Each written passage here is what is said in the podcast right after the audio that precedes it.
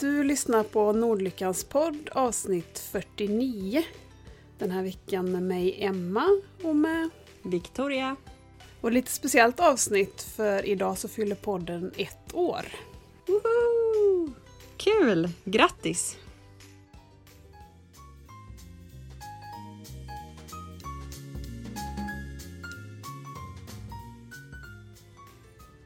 Hur firar du? Ja, vi får la se hur jag ska fira det. Men jag har ju lovat att vi ska köra frågepodd idag. Men jag tänkte att vi väntar lite med det och så kör vi lite vanlig podd först. Det känns som vi har lite Mm. saker vi vill uppdatera oss på först, så kör vi frågorna sen mot slutet. Absolut.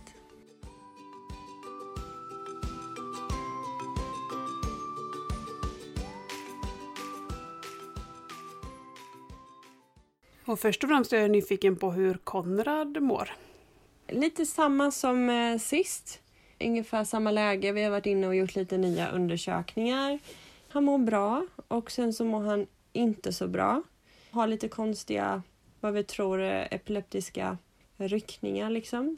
Vi ska upp till Göteborg i veckan vet jag i alla fall. Men eh, han är på förskolan, inte idag, det är söndag. men han är på förskolan annars så. Så det är både bra och dåligt. Eh, Vi vet inte så mycket i nuläget liksom. Du pratade något om magnetröntgen i förra avsnittet. Är det någonting som är planerat att ni ska göra? Det blev att man gjorde en CT när man åker in så här och gör en röntgen över huvudet liksom. Och sen så gjorde man en annan röntgen då där man tittar hur shuntspetsen ligger kan man säga. Så det blev ingen MR. Det är ganska avancerat att söva Konrad. Eller det är inte så avancerat kanske men han är svårstucken och, och Halmstad gör inte gärna det. Så att eh, man, man gjorde så så länge så att man tyckte att det räckte de bilderna. Så det fick han göra i veckan.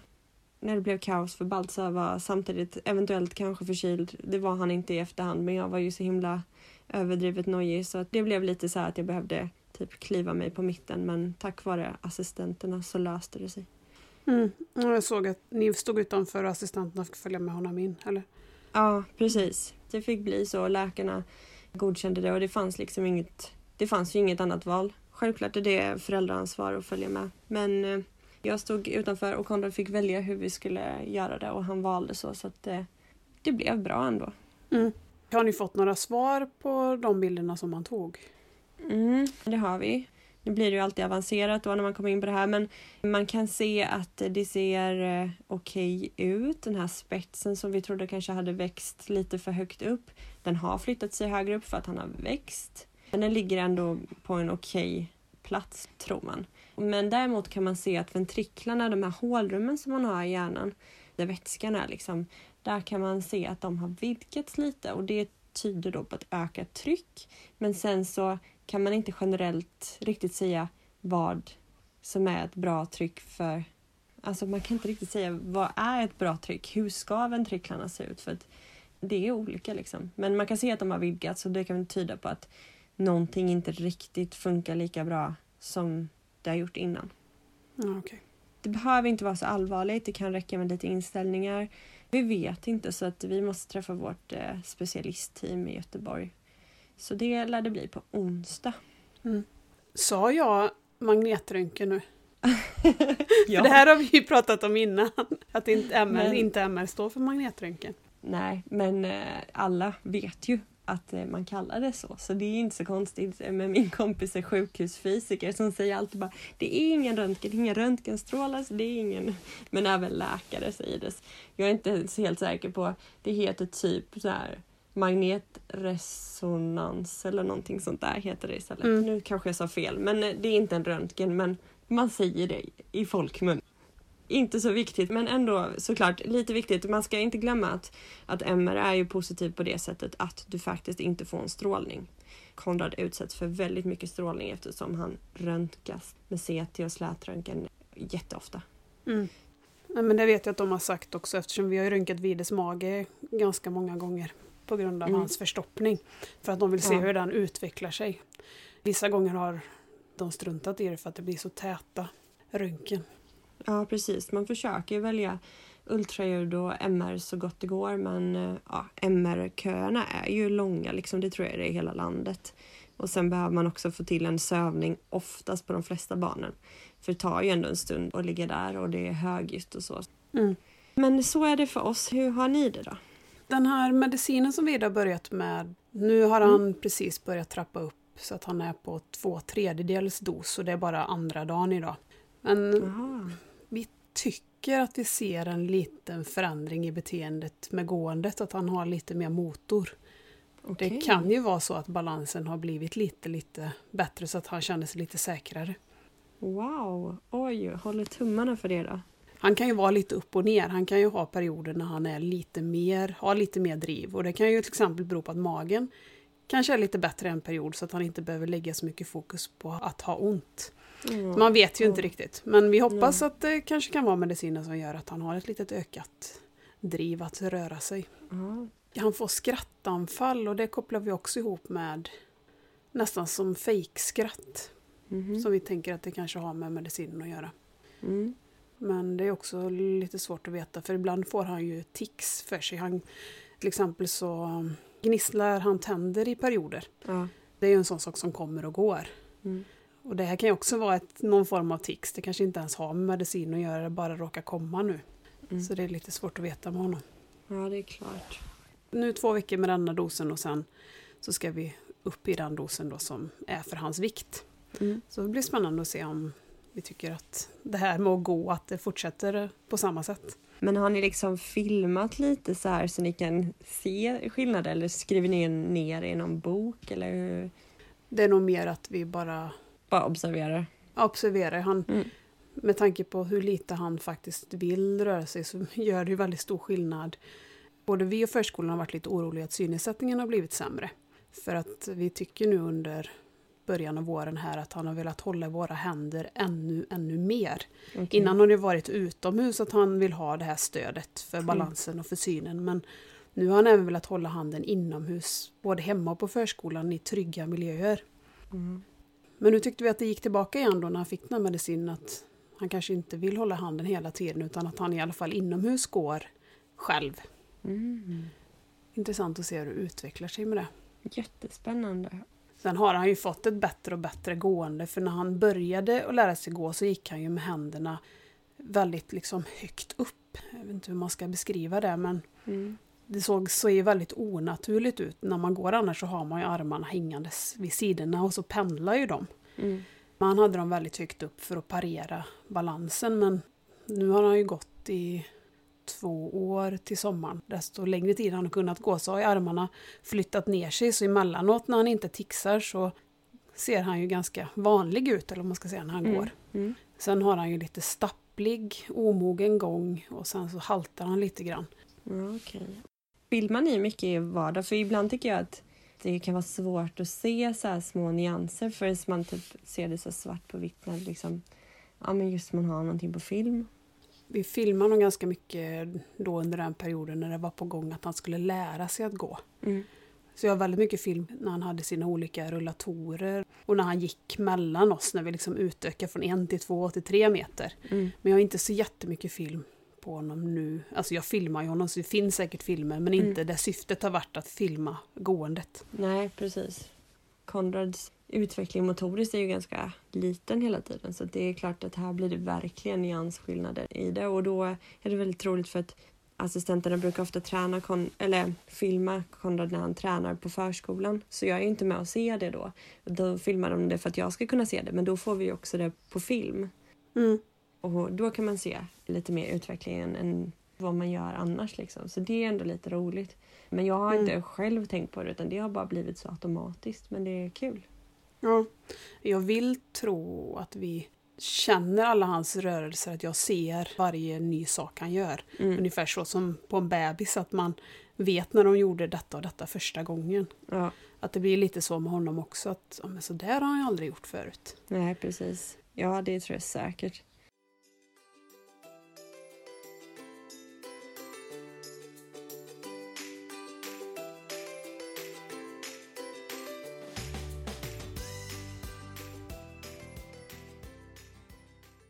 Och sen är det ju assistansen då som är aktuell för oss. Det händer inte så jättemycket just nu. Vi vet att kommunen håller på med sitt beslutsunderlag för vi fick några kompletterande frågor i slutet på veckan. Mm. Kanske att det kommer nu i veckan som kommer eller så dröjer det ännu längre. Det vet jag inte men Ja, jag har inte velat fråga för det är precis när man inte har fått något svar så blir man nästan ännu mer stressad när folk oh, har det kommit, har det kommit liksom. ja, nej, jag tror att när vi väl får svar så kommer du få veta det också. Jag vet. Oavsett om det är positivt eller negativt besked.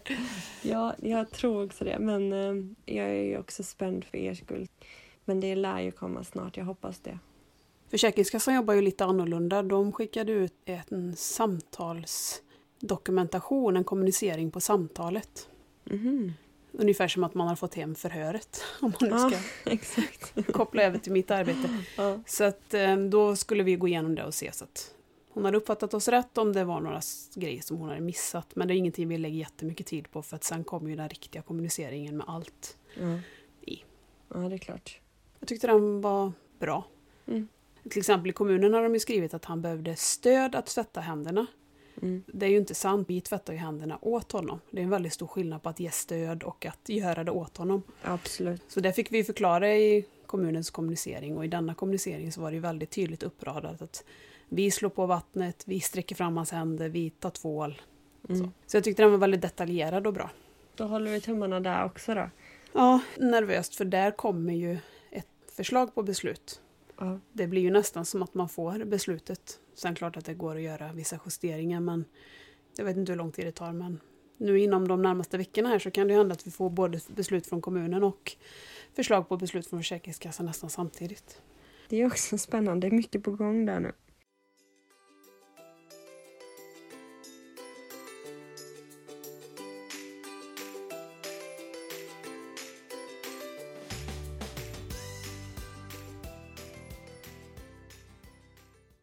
Idag har vi haft avslutning på upp och ner-gympan. Jaha, vad kul. Vi hade lite otur med vädret för det har regnat här i Borås idag men det var ändå uppehållande medan vi var ute. Vi var på 4H-gården som finns inne i Borås. Okej, vad mysigt. Vi vill gärna att hela familjen ska kunna vara med på avslutningarna så att även alla föräldrar och syskon och så får träffas. Mm.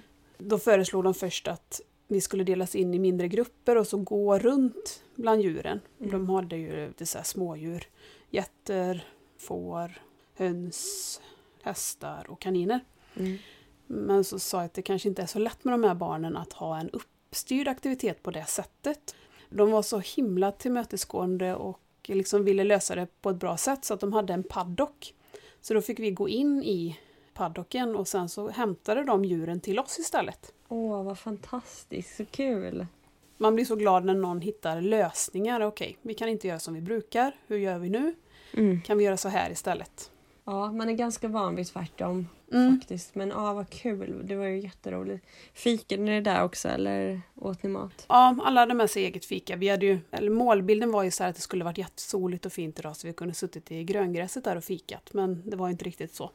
Men de hade en, ett loft som Mm. vi fick hyra då för några hundra för att vara där inne och fika. Så att efter vi har kollat på djuren så gick vi in där och sen hade vi lite utdelning av diplom och godispåsar. Och, Ja, vad mysigt. Det låter jättekul. ja, jag tror vi blev sex familjer till slut. Det var, det var nio anmälda från början men så är det alltid någon som inte kan av olika anledningar. Mm.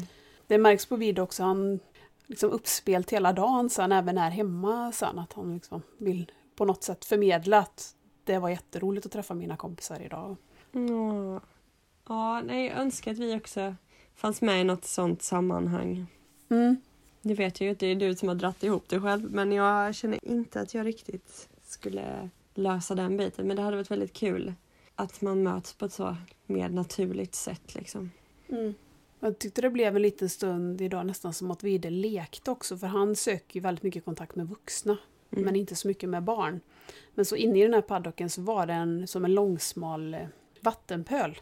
Och då var det en pojke som började springa över den hela tiden fram och tillbaka.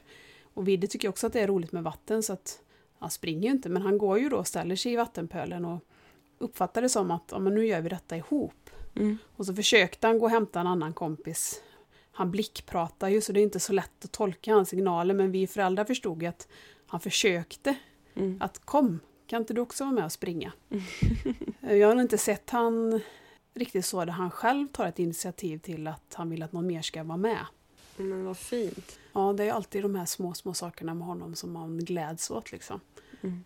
Det måste ändå vara skönt att ha liksom ett, ett litet gäng, som, Mm. ett litet sammanhang. Det saknar vi.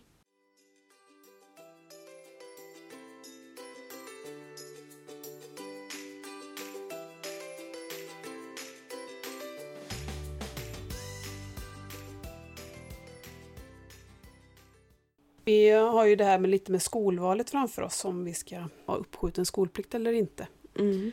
Vi vet inte riktigt hur vi ska tänka. För det som är att han har väldigt fin personal på sin förskola, han trivs på sin förskola och han har sin fantastiska resurs på sin förskola. Men samtidigt så har han ju inga kompisar på det sättet på förskolan. Där är ju mer personalen som är hans kompisar. Mm. Och sen när han kommer då på gympan där det är barn på hans egen nivå, där har han ju kompisar och det hade han ju fått också på särskolan. Så att det är lite svårt att veta hur man ska tänka, om man ska vänta ett år eller inte. Men hur är det där? För särskolan har inte förskoleklass va? Nej, det är ju det som blir problemet. Ja. Det finns väl tre alternativ. Antingen att man går kvar på förskolan ett extra år, att man går i vanlig förskoleklass eller att man börjar särskolan ett år tidigare. Så då börjar man i ettan helt enkelt? Mm, då går man väl ettan två år. Aha. Och det är väl det alternativet. Alltså antingen förskolan ett år längre eller att han får börja särskolan när han är sex istället för sju. Mm. Konrad ska ju börja vanlig skola nu, förskoleklass. Mm. Vi har faktiskt inte gjort någon utredning på Konrad än. Man blir i alla fall erbjuden om man har ett barn med CP. Men de ville att Konrad skulle bli ännu bättre på ögonstyrningen innan man tyckte att man kunde göra liksom en full god utvärdering. Mm. Men Konrad har, han har faktiskt många kompisar på förskolan. Inte som han kanske umgås... Jo, några få han umgås med på fritiden. Han är verkligen en i gänget om man säger så. Mm. Så att det känns ganska givet oavsett att förskoleklass ska han gå på vanlig skola. Och sen kan det mycket väl bli att det fortsätter där. Vi får se helt enkelt. Ja, det blir lite annat för vidare han... Nu är ju inte jag med han i förskolan, men som vi får till oss är han ju mycket en iakttagare och publik. Mm. Han är inte med. Mm. Det är väl det Ja. som man tänker på.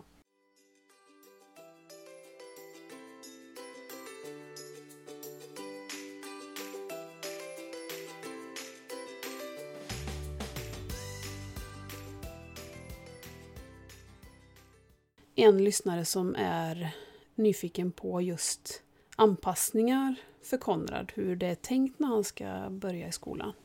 Tanken är väl att eh, Konrad ska gå i som sagt en helt vanlig förskoleklass. De flesta kommer komma från hans... De han redan går med på förskolan. Den ligger bara bredvid hans förskola idag. Och sen så kommer han, precis som nu, ha en resurs, men det blir en ny för att den som han har haft ska jobba kvar inom förskola. Och sen kommer han ha med sig en assistent, det har han också i nuläget. Och sen så får vi väl jobba fram egentligen hur det bäst eh, ska funka. Men Konrad har ju en ögonstyrningsdator. Han tycker att den är tråkig, men eh, han kan den. Så att vi hoppas att eh, tillsammans med skolan så ska han kunna använda sig av den. Och då tänker jag att han ska kunna ta till sig utbildningen precis som alla andra och kunna utföra sina uppgifter och så. Och sen har han även sin sån här poddbok då som vi kallar Snackis här hemma. Som är en bok med kommunikation där Konrad kan svara väldigt bra. Han är jätteduktig på den. Och sen så vet jag i alla fall anpassningar rent så fysiskt på skolan behövs inte jättemycket för att det är en nybyggd skola så den är ju i grunden handikappsanpassad. Mm. Men de ska faktiskt göra handikappstoaletten ännu större har de då tänkt. Och sen pratar de om att kanske även installera dusch i den i och med att Konrad har sin kräkproblematik och sådär så att han alltid ska kunna vara fräsch och så. Och sen så har de ett rum som Konrad ska ha tillgång till som är kuratorns rum också tror jag. Men han kommer ha sina hjälpmedel där och han kommer också kunna gå dit när han behöver få vila för Konrad blir ju hjärntrött ibland. Eller kan få EP eller någonting annat. Just idag om man får EP så åker jag ju såklart och hämta honom men vi vet ju inte vad framtiden blir om man får lite ryckningar och kanske inte behöver någon medicin. Ja, då kanske man går in och vilar och sen tillbaka igen. Och vi vet inte riktigt så att eh, det är väl de anpassningarna man gör. Men vi är ett jättestort team som arbetar för detta. Det är dels förskolan och sen är det ju förskoleklassen med pedagogen och rektorn där. Men sen är det även någon sån här inom kommunen som jobbar med arbetsmiljö och sen är det ju då hela HUB-teamet så att eh, det är väldigt många involverade i starten och eh, hur det ska bli bra för alla liksom. Mm. Jag vet att Konrad har svårt att koncentrera sig, det vet jag. De är ju ganska små. De som börjar har väl fyllt sex eller fyller sex så det är ju ändå små barn vi pratar om och det är förskoleklass så det är ju inte ettan de börjar i nu utan det är ju liksom en början innan ettan. Mm. Man får väl jobba in och se vad som funkar eller vad som kommer behövas. Det kanske behövs nya anpassningar och så, vi vet inte. Jag vet att du pratat någonting om idrotten innan. Har ni Mm. kommit något vidare där? Hur är det tänkt? Nej, det vet jag inte riktigt. Jag vet dock att som sagt de tänker ta in kommunen har några så här som jobbar just med, nu vet jag inte vad de kallar det, men jag säger väl funkisidrott då. Som är pedagoger just inom det som hjälper hela, antingen hela Halmstad eller hela Halland, det vet jag inte. Men i alla fall så har de redan kopplat in dem. Så då kommer det bli kanske att Konrad får extra träning, det vet jag inte. Eller att man då gör det när de andra har gympa. Han kan ju gå, men han behöver verkligen 100% hjälp. Men han kan ju vara med på vissa saker i förskoleklassen kan jag verkligen tänka mig på idrotten så länge han får stöd av eh, två vuxna liksom. För helst vill ju Konrad göra som alla andra, så är det. Ja, det är klart. Mm. Men jag hade önskat att eh, man liksom jobbade med det som skulle utveckla Konrad och eh, med racerunnen och, och sådär. Som är som en cykel för personer som inte kan gå eller cykla liksom. Men samtidigt förstår jag ju Konrad om han vill vara med och göra precis samma saker som de andra. Så vi får se. Det känns i alla fall lovande. Men racerunnen kan man väl ha ibland? Alltså när det passar, när de andra ska göra saker som liknar det. Ja men Utomhus exakt. kanske och springa Ja. och så. Precis.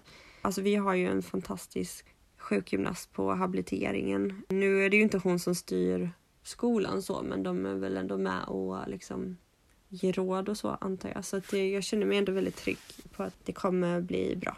Mm. Och den personen som ska anställas som resurs, vet ni vem det blir? Nej, det vet vi faktiskt inte. Vi fick vara med i, i det där om vi ville, om vi hade något tips eller ja, om vi hade kanske någon assistent som ville ta det. Men vi ville inte bli av med någon assistent. Vi hade en eh, som vi var intresserade av men tyvärr så kunde han inte tacka ja för att det jobbet börjar ju inte förrän vecka 32 då. Det var väldigt svårt när de hade ut en annons och folk behövde jobb ganska omgående. Så, så jag vet faktiskt i dagsläget inte vem det blir. Och det känns ju lite jobbigt för det är ju så extremt viktigt. Mm. Jag vet faktiskt inte om de har lagt ut någon annons än utan det här var genom vårt eget kontaktnät. Okej. För då var det när vi hade ut en annons för assistansjobb så hittade vi en person som skulle passa perfekt då. Det blev inte, så vi får se. Men eh, ja, jag är lite nervös. Det är jag faktiskt. Mm. Konrad hade det aldrig funkat att ha olika resurser. Det hade inte gått. Han hade klarat sig socialt sett om man säger. Han hade inte haft något problem med det men man måste kunna så mycket om hans diagnoser för att det ska gå liksom.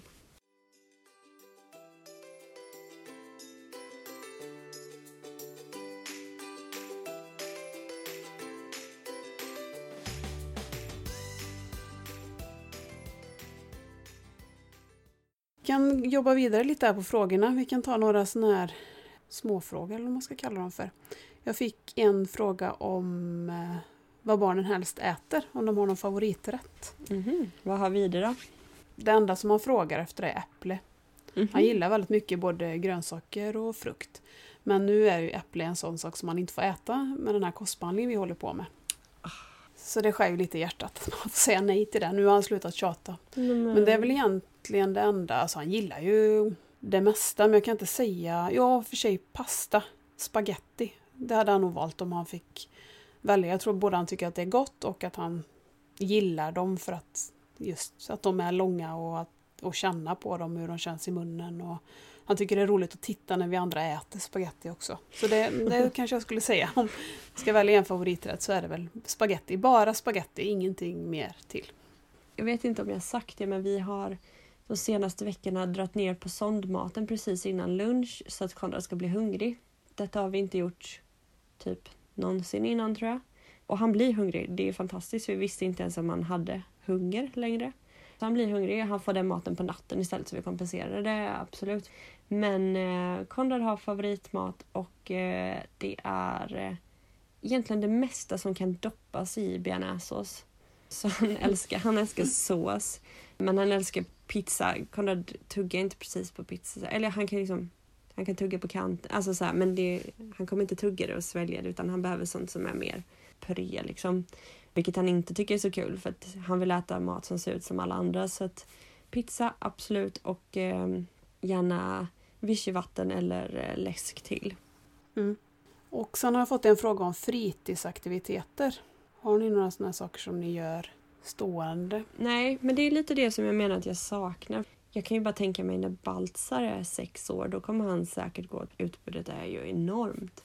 Medan det för Konrad inte finns någonting som jag känner till som passar hans ålder. Så det är väldigt tråkigt. Vi hade ett tag att han gick på Kulturskolan på någonting som hette musikpedagogik för funktions funktionshindrade eller någonting sånt där. Kanske inte hette exakt så. Något finare kanske. Men ja, det var i alla fall funkis musikpedagogik. Det var kul men eh, det var svårt att få till. Så att just nu räknar vi väl simningen som är visserligen via hub men det är liksom en gång i veckan samma tid. Så det är väl hans fritidsaktivitet idag. Jag hoppas att vi kan eh, få till fler. Mm. Och ni, ni har väl gympan då? Har ni någonting annat? Nej, inget annat. Men sen, vi gör väl saker som vilken barnfamilj som helst. Vi har utmanat oss ganska mycket, även om han har skrikit bort en del utflykter och så. Och nu just nu är det ju väldigt begränsat, men om man tänker en vanlig vardag så går vi väl till lekplatsen eller badhuset eller djurparken eller museum gillar vi föräldrar, kanske inte barnen så mycket, men de brukar ju få fika. Så. Vi med! en del tycker lite synd om våra barn att de ska få behöva gå så mycket på museum, men det brukar finnas något som är anpassat för barn och så. Exakt likadant, det var ju roligt. Då kan vi gå på museum ihop snart. ja. vi brukar muta dem att de ska få någonting i shoppen sen. Ja, men det brukar ju bli att dels tycker vi det är toppen med rullstolen, för det är ofta ganska öppna miljöer och kan inte säga att de andra barnen tycker det är jättetråkigt heller. Sen kan man inte förvänta sig att man kan gå i flera timmar, men mm. en liten stund och sen fika efteråt. Så det brukar bli ganska mysig utflykt jag tror folk generellt är lite negativt inställda till museum och utställningar. Det är oftast kul även om man inte ens tycker om själva ämnet som det tas upp för att det presenteras oftast på ett trevligt sätt. Mm. Ja, nej, men vi, vi är likadana som ni där. Alltså, vi åker ju till Leos lekland och det är lekplats och sådär. Men just fritidsaktiviteter som liksom planerade. Det är väldigt litet utbud och det tycker jag är tråkigt.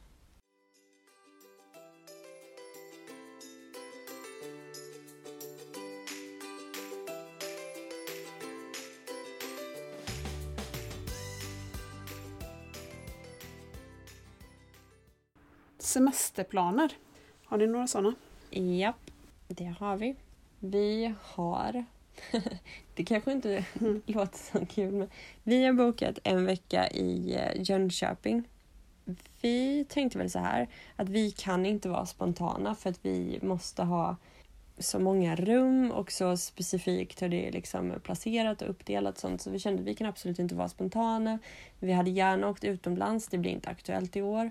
Men då tänkte vi, åker vi till Jönköping och bor på ett trevligt hotell som vi har bokat där så kan vi åka på många dagsutflykter därifrån.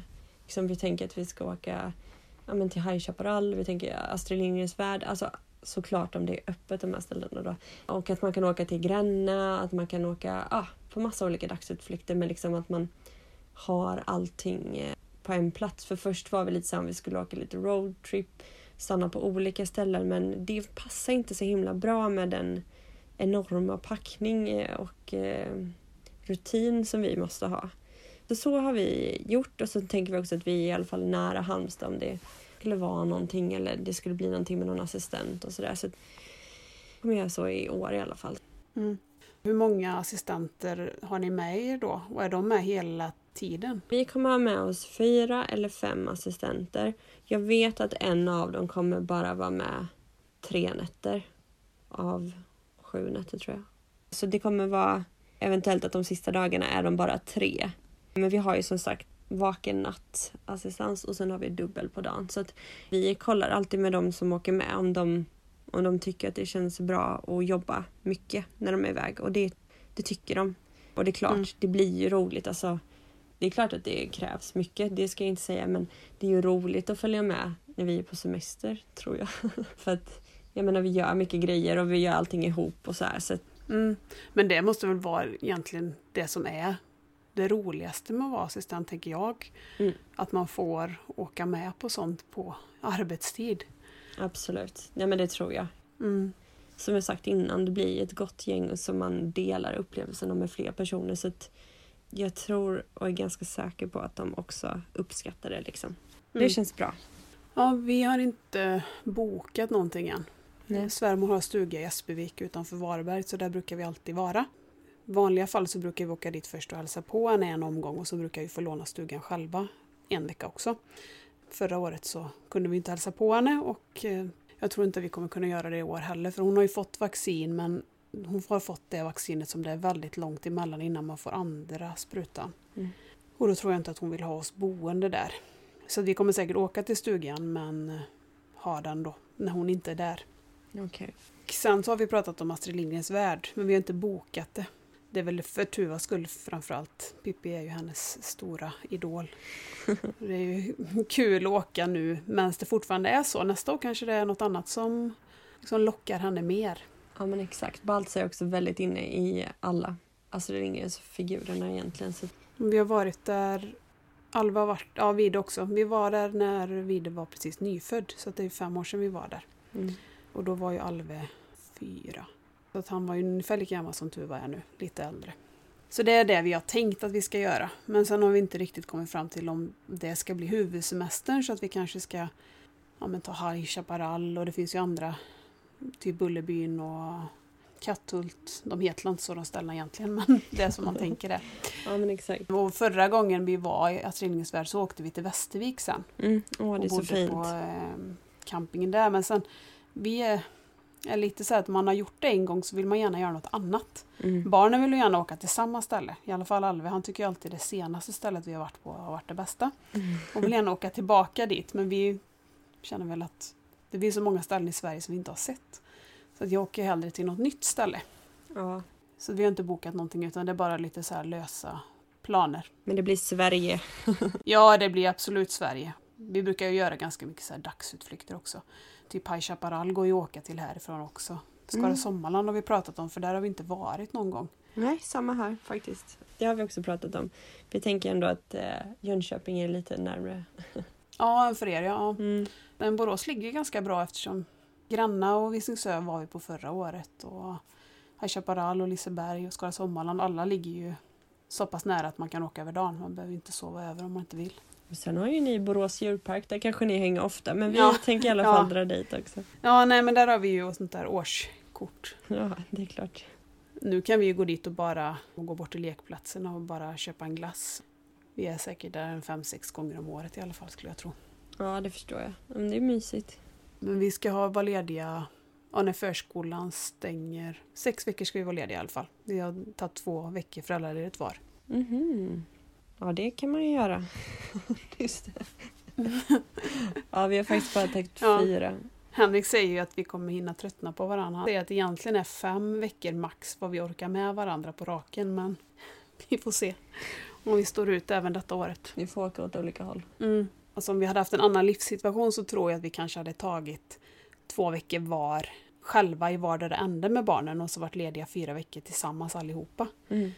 Så har ju inte vi det, det går inte att göra så. Då blir det ju verkligen inte ledigt. Så att, eh, nu är vi lediga alla, alla Ja. fem. Alla det sex kommer bli mysigt. Vi byggde ju en pergola, ja det var nyss här nu, om det var förrförra helgen. Jag såg det, jag blev så avundsjuk. Jättefin. Ja men det blir bra. Nu är den ju tryckimpregnerat, jag är inte så imponerad av det men vi ska måla den röd i samma röda färg som torpet men det måste tydligen stå ett år innan man kan måla det. Mhm. Men vi har ett ganska stort eh, trädäck som vi byggde om det är fem år sedan kanske, något sånt. Och eh, jag tyckte att det var så härligt att det var stort och så. Så att Henrik har pratat om pergola länge men jag har sagt att nej, men jag vill inte förstöra det här stora härliga trädäcket. Mm. Men sen har vi ingen skugga. För Nej, att det är ju det. solen går ju på det sättet så att det är inte skugga förrän på kvällen. Så att vi har nästan inte kunnat sitta där och äta för att det Mm. blir så varmt. Ja, vi är samma. Det blir ju ett rum till att inreda så att Det är jag kul. håller på och köper eh, utomhusgardiner och kuddar och... Jag såg att du hade handlat och- lite grann. Ja, ja. Jag skulle bara köpa en matta och sen råkade jag komma ut med halva affären. Ja, nej, vi är också väldigt pepp på en pergola men det kommer, vi kommer bygga den typ i skogen då så att Konrad kan komma åt den. Men det kommer inte vara helt intill huset utan lite som fristående tänkte vi. Mm. Nej men det är ju lite för Vides skull också för han svettas ju inte. Han har ju väldigt svårt att reglera sin kroppstemperatur. Så på sommaren så håller vi ju på med såna här kylmattor hela tiden. Ja, Var han än är så sitter han ju på såna här som är för hundar. Mm. Och måste sitta i skuggan för han blir ju helt borta nästan. Mm. Så att nu blir det ett hörn och så har vi köpt, eh, eller beställt, kuddar till... Vi ska bygga en sån här pallkragsoffa. Åh, det är jätte, jättecoolt tycker jag. Ja men det blir lite sån industristils... eh, Men det är så Känsla. perfekt ungdomshäng tycker jag också. Så barnhäng. Mm. Och, ja. Och han älskar ju soffor. Han letar ju alltid upp soffor och bänkar vart vi än är någonstans. Så då kommer han få ett hörn där det kommer vara skugga hela dagen och där han kan sitta med sina böcker. Och... Så att jag tror att det blir jättebra. För annars har han ju velat gå in hela tiden. ja, det är lite samma här faktiskt.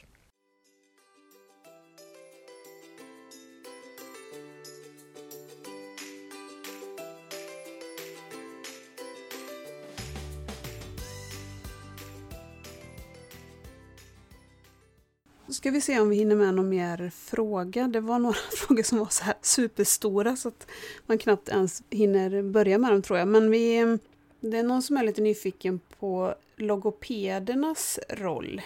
Vad har ni för logopedkontakt? I dagsläget inte så jättemycket. Det har varit vissa insatser och vissa insatser från regionshabiliteringens logoped också. Men just nu så är logopeden egentligen bara inblandad i ögonstyrningen och poddboken. Men där är också ett fristående företag, Daco, som tar fram det och utformar det. Så vi har inte jättemycket logopedkontakt eller hjälp idag. Men det kanske blir mer framåt nu när Konrad börjar äta mer eller men vi har ju Mm. såklart, vi har någon som vi kan ha kontakt med så. Men det har inte varit prio just nu. Hur är det med den här podden? Har ni den i ögonstyrningen eller har ni den bara som en fysisk bok? Vi har det både och. Men Mm. Konrad tycker, eller jag också, tycker att det är svårt att eh, prata i podden i ögonstyrningen för den är inte uppbyggd riktigt på samma sätt. Så Konrad har precis fått den i sin nya ögonstyrningsdator. Så om någon vecka eller två eller vad det nu var så ska jag ha en liten utbildning med det här företaget Daco där logopeden också kommer. De visar lite mer hur det funkar för den är liksom inte riktigt likadan och då, då blir jag förvirrad och vi måste ju ändå vara liksom förebilder hur man pratar med podden. Så meningen Mm. är absolut att eh, ögonstyrningen ska vara nummer ett, alltså ögonstyrningsdatorn ska vara nummer ett när det är poddboken och den i pappersform eller permen liksom, den ska ju vara nummer två när man inte kan ha datorn eller liksom sådär. Men det är tvärtom just nu. Mm. Och hur är er dator utomhus? Vi har inte haft den utomhus men den är inte bra, det vet jag. Det har de sagt att dels så tål den ju inte regn och så. Det kanske finns något skydd. Och sen så är det liksom som om man tänker sig telefon eller iPad eller någonting. Det blir ju liksom den är ju känslig för ljus och sen har jag också för mig, jag kan ha fel, men att den inte läser av ögonen lika bra om det är för mycket ljus liksom. Nej. Men för det märker vi ju en begränsning med Vides. Det blinkar ju för mycket Mm, precis. utomhus. Alltså en mulen dag funkar den jättebra men Mm. så fort det är sol framme så ser han ju ingenting i den. Nej. Jag tänker att det borde vara löst inom några år. För jag tror en del av de här lite enklare läsplattorna man kan ha för att läsa böcker i. Mm. Att de är gjorda för att man ska kunna sitta i solen. Okej. Att det är någon speciell skärm som inte reflekterar ljuset. Det måste bara komma. Kommer komma. Mm. Man får bara lite tålamod. Ja, jämt. Men vi har ju ganska mycket logopedkontakt tack vare IBT'n. Mm. För att där är det en logoped och en specialpedagog som är med där. Ja, ja. Hon försöker ju också väva in lite saker, dels med talapparaten, vilket vi har backat ifrån lite nu för att man märkte på honom att det blev för kravfyllt, så att vi har backat lite från övningar med talapparaten. Men hon eh, försöker ju blanda in lite munmotorik till exempel. Mm. Vi har fått någon flöjt, vi ska få några övningar för att han ska träna upp sin tunga och vad det är. Det är någonting han inte gör riktigt bra när han tuggar. Hon har ju tittat på när han äter och så förklarar hon. ja, det är faktiskt rätt häftigt att de kan se det. Ja. Så. Så vi har fått några övningar kring det också. Både vi och hon har väl en liten förhoppning om att det skulle kunna komma ord. Mm. Han säger ju ord ibland, ofta ganska avancerade ord, men han säger dem bara en gång. Så jag tror varje gång att man har hört fel. Mhm. Till exempel nu har han ju favoritfilm och då sa han Minioner häromdagen. Igår så sa han en av bästa kompisarnas namn då, Axel. Så det är ju inga lätta ord som han säger. Men, oj! Jaha. Men så kommer de bara en gång och sen fortsätter han ju med sitt sånt där ljudande som inte betyder någonting. Hela familjen brukar ha hört ordet fast vi är alla lika osäkra på att sa han verkligen så. Så han har förmågan munmotoriskt liksom. Ja, vi tror ju det och han har ju pratat när han var lite yngre. Korta Mm. ord. Men det är ju autismen som ställer till det för honom tror jag. Mer kanske än motoriken i det här fallet. Ja. Eller båda och. Men vi är väldigt nöjda med den logopeden vi har i alla fall. Mm, vad Nu. kul. Vi har ju bytt logoped en gång. Det var väl inte så populärt men eh, vi är väldigt nöjda att vi vågade göra det. Nej, jag tycker faktiskt man ska stå på sig. Att funkar det inte om man inte liksom man kan inte ha kanske någon bra personkemi eller man inte kommer framåt då tycker jag verkligen att man ska kräva att få byta för vi har verkligen sett svart på vitt hur det kan bli om man byter olika personal inom habiliteringen. Nej men det här var ju en person som inte trodde på Vides förmåga. Mm. Såna har vi mött. Ja.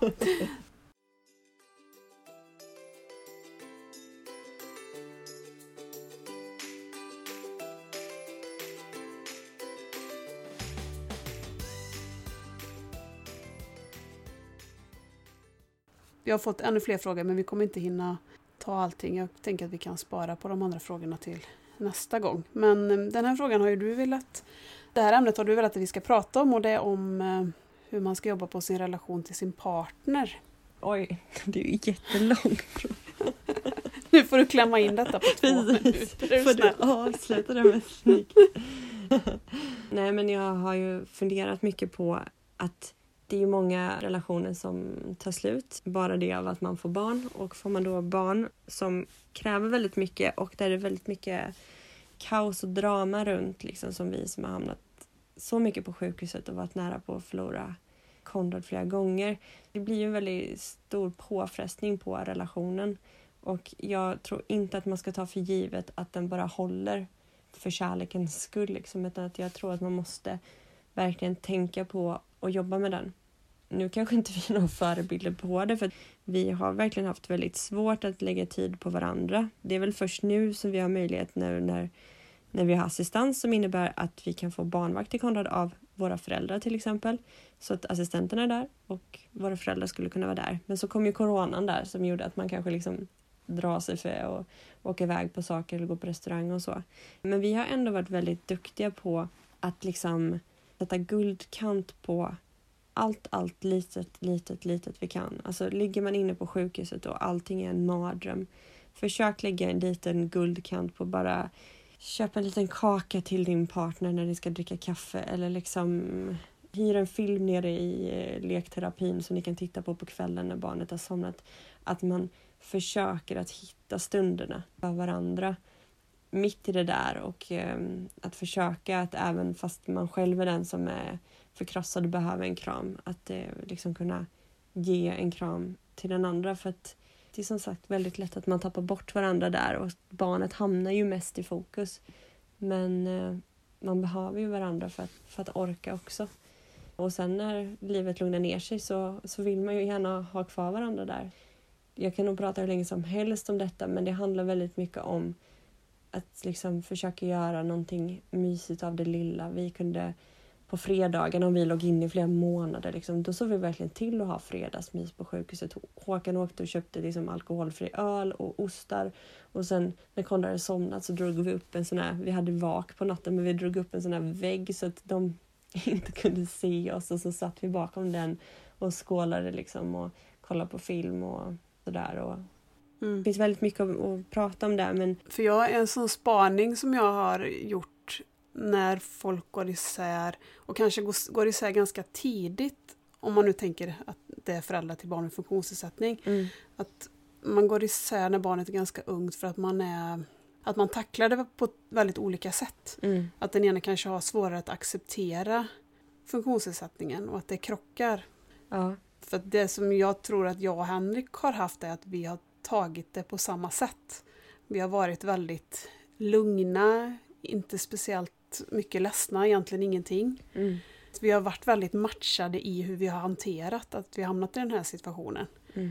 Så det har inte blivit några slitningar gällande det. Nej, precis. Vi var väldigt olika kan jag säga från start. Jag hade mm. väldigt lätt att ta in det.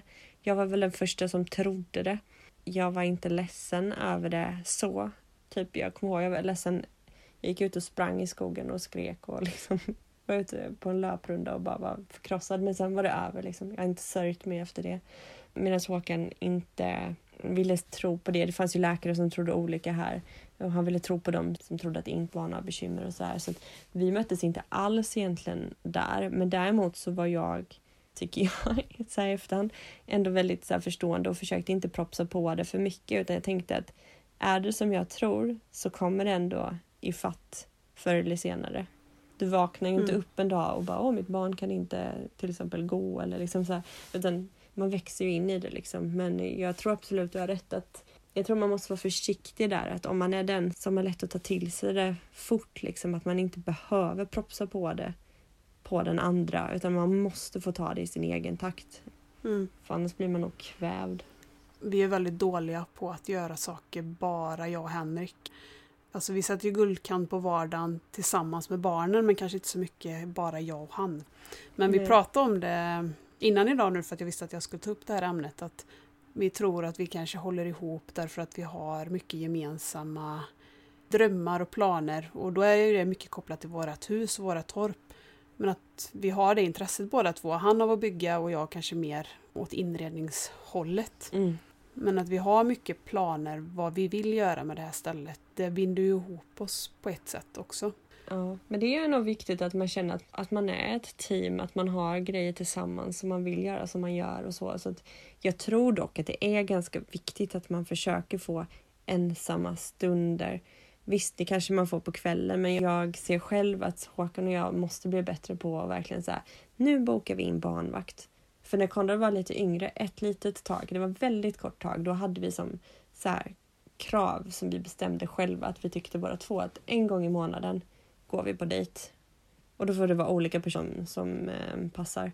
Det funkade ju inte för vi hade inte assistans så det höll väldigt kort tid. Men jag tror att vi ska tillbaka till det för att jag tror att detta är viktigt för alla småbarnsföräldrar. Jag tror absolut att en relation kan hålla ändå men jag tror att det gör väldigt mycket av att man skapar små tillfällen där man bara är två som delar det som händer. Liksom. Mm. Bestämma att vi pratar inte om barnen idag. Utan nu, nu pratar vi om någonting annat. Nej men det är väl en av de sakerna som jag drömmer om att vi ska göra om vi får assistans.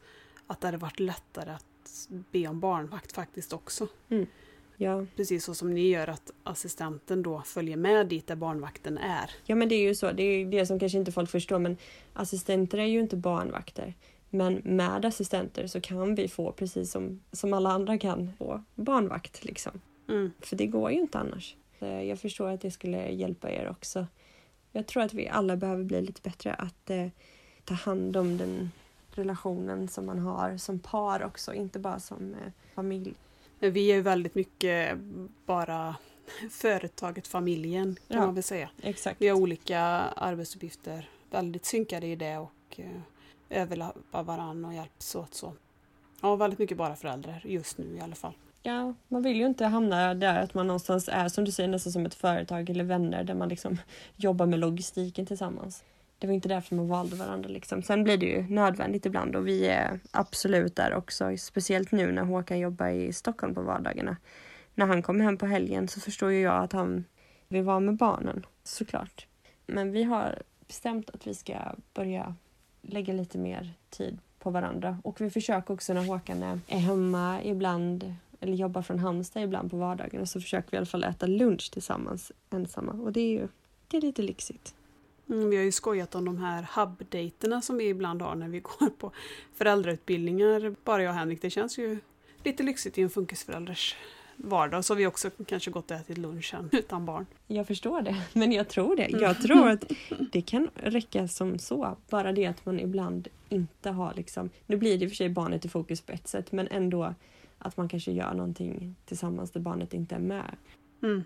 Vi har ju ändå skaffat oss tre barn för att vi drömde om eh, liksom, familjelivet och köpt ett eh, ställe som kräver mycket underhåll. Och jag har nog också inte förväntat mig att vi ska göra en massa saker, bara jag och Henrik. För jag tänker att vi hann ju göra mycket av det innan vi fick barnen. Mm. Så att jag har inte ett jättestort behov av att vi ska göra saker ofta själva. Men det är klart att lite oftare än det har blivit nu. Att man någon gång ibland gör någonting utan barnen. Det är ju viktigt. Men eh, jag har nog inte sånt behov som det kanske låter på dig att göra det så regelbundet. Nej, men jag kan väl känna samma. Jag vet inte om man känner direkt behovet men jag vet att när vi gifte oss så sa alla så här försök se till att ni har en dejt i månaden och liksom alla som hade skilt sig bara se till att ni verkligen har det. Så att jag tänker att det är mer så här planerar man inte in det som något slags schemalagt så är det lätt att det inte blir av. Mm.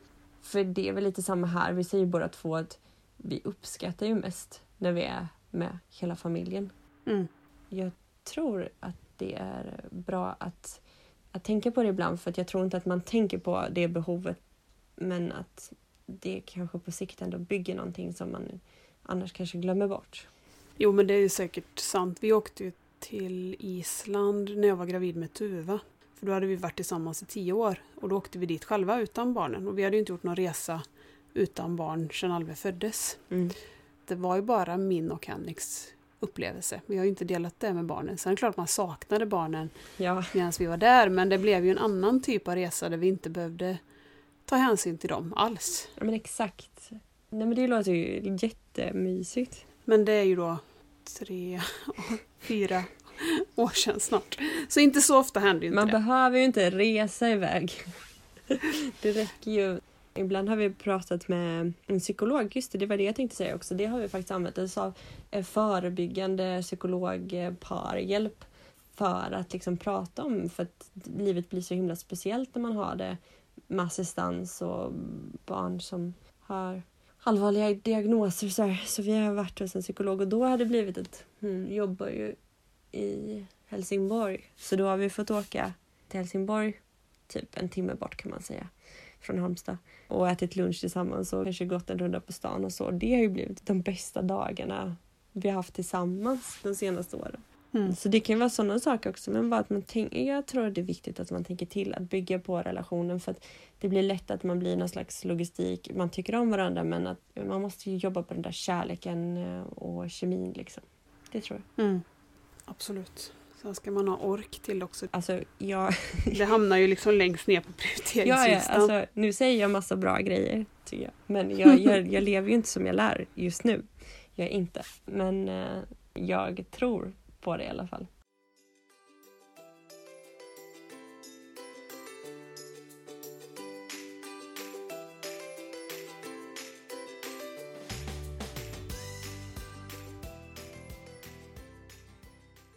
Du får klippa bort vad du vill.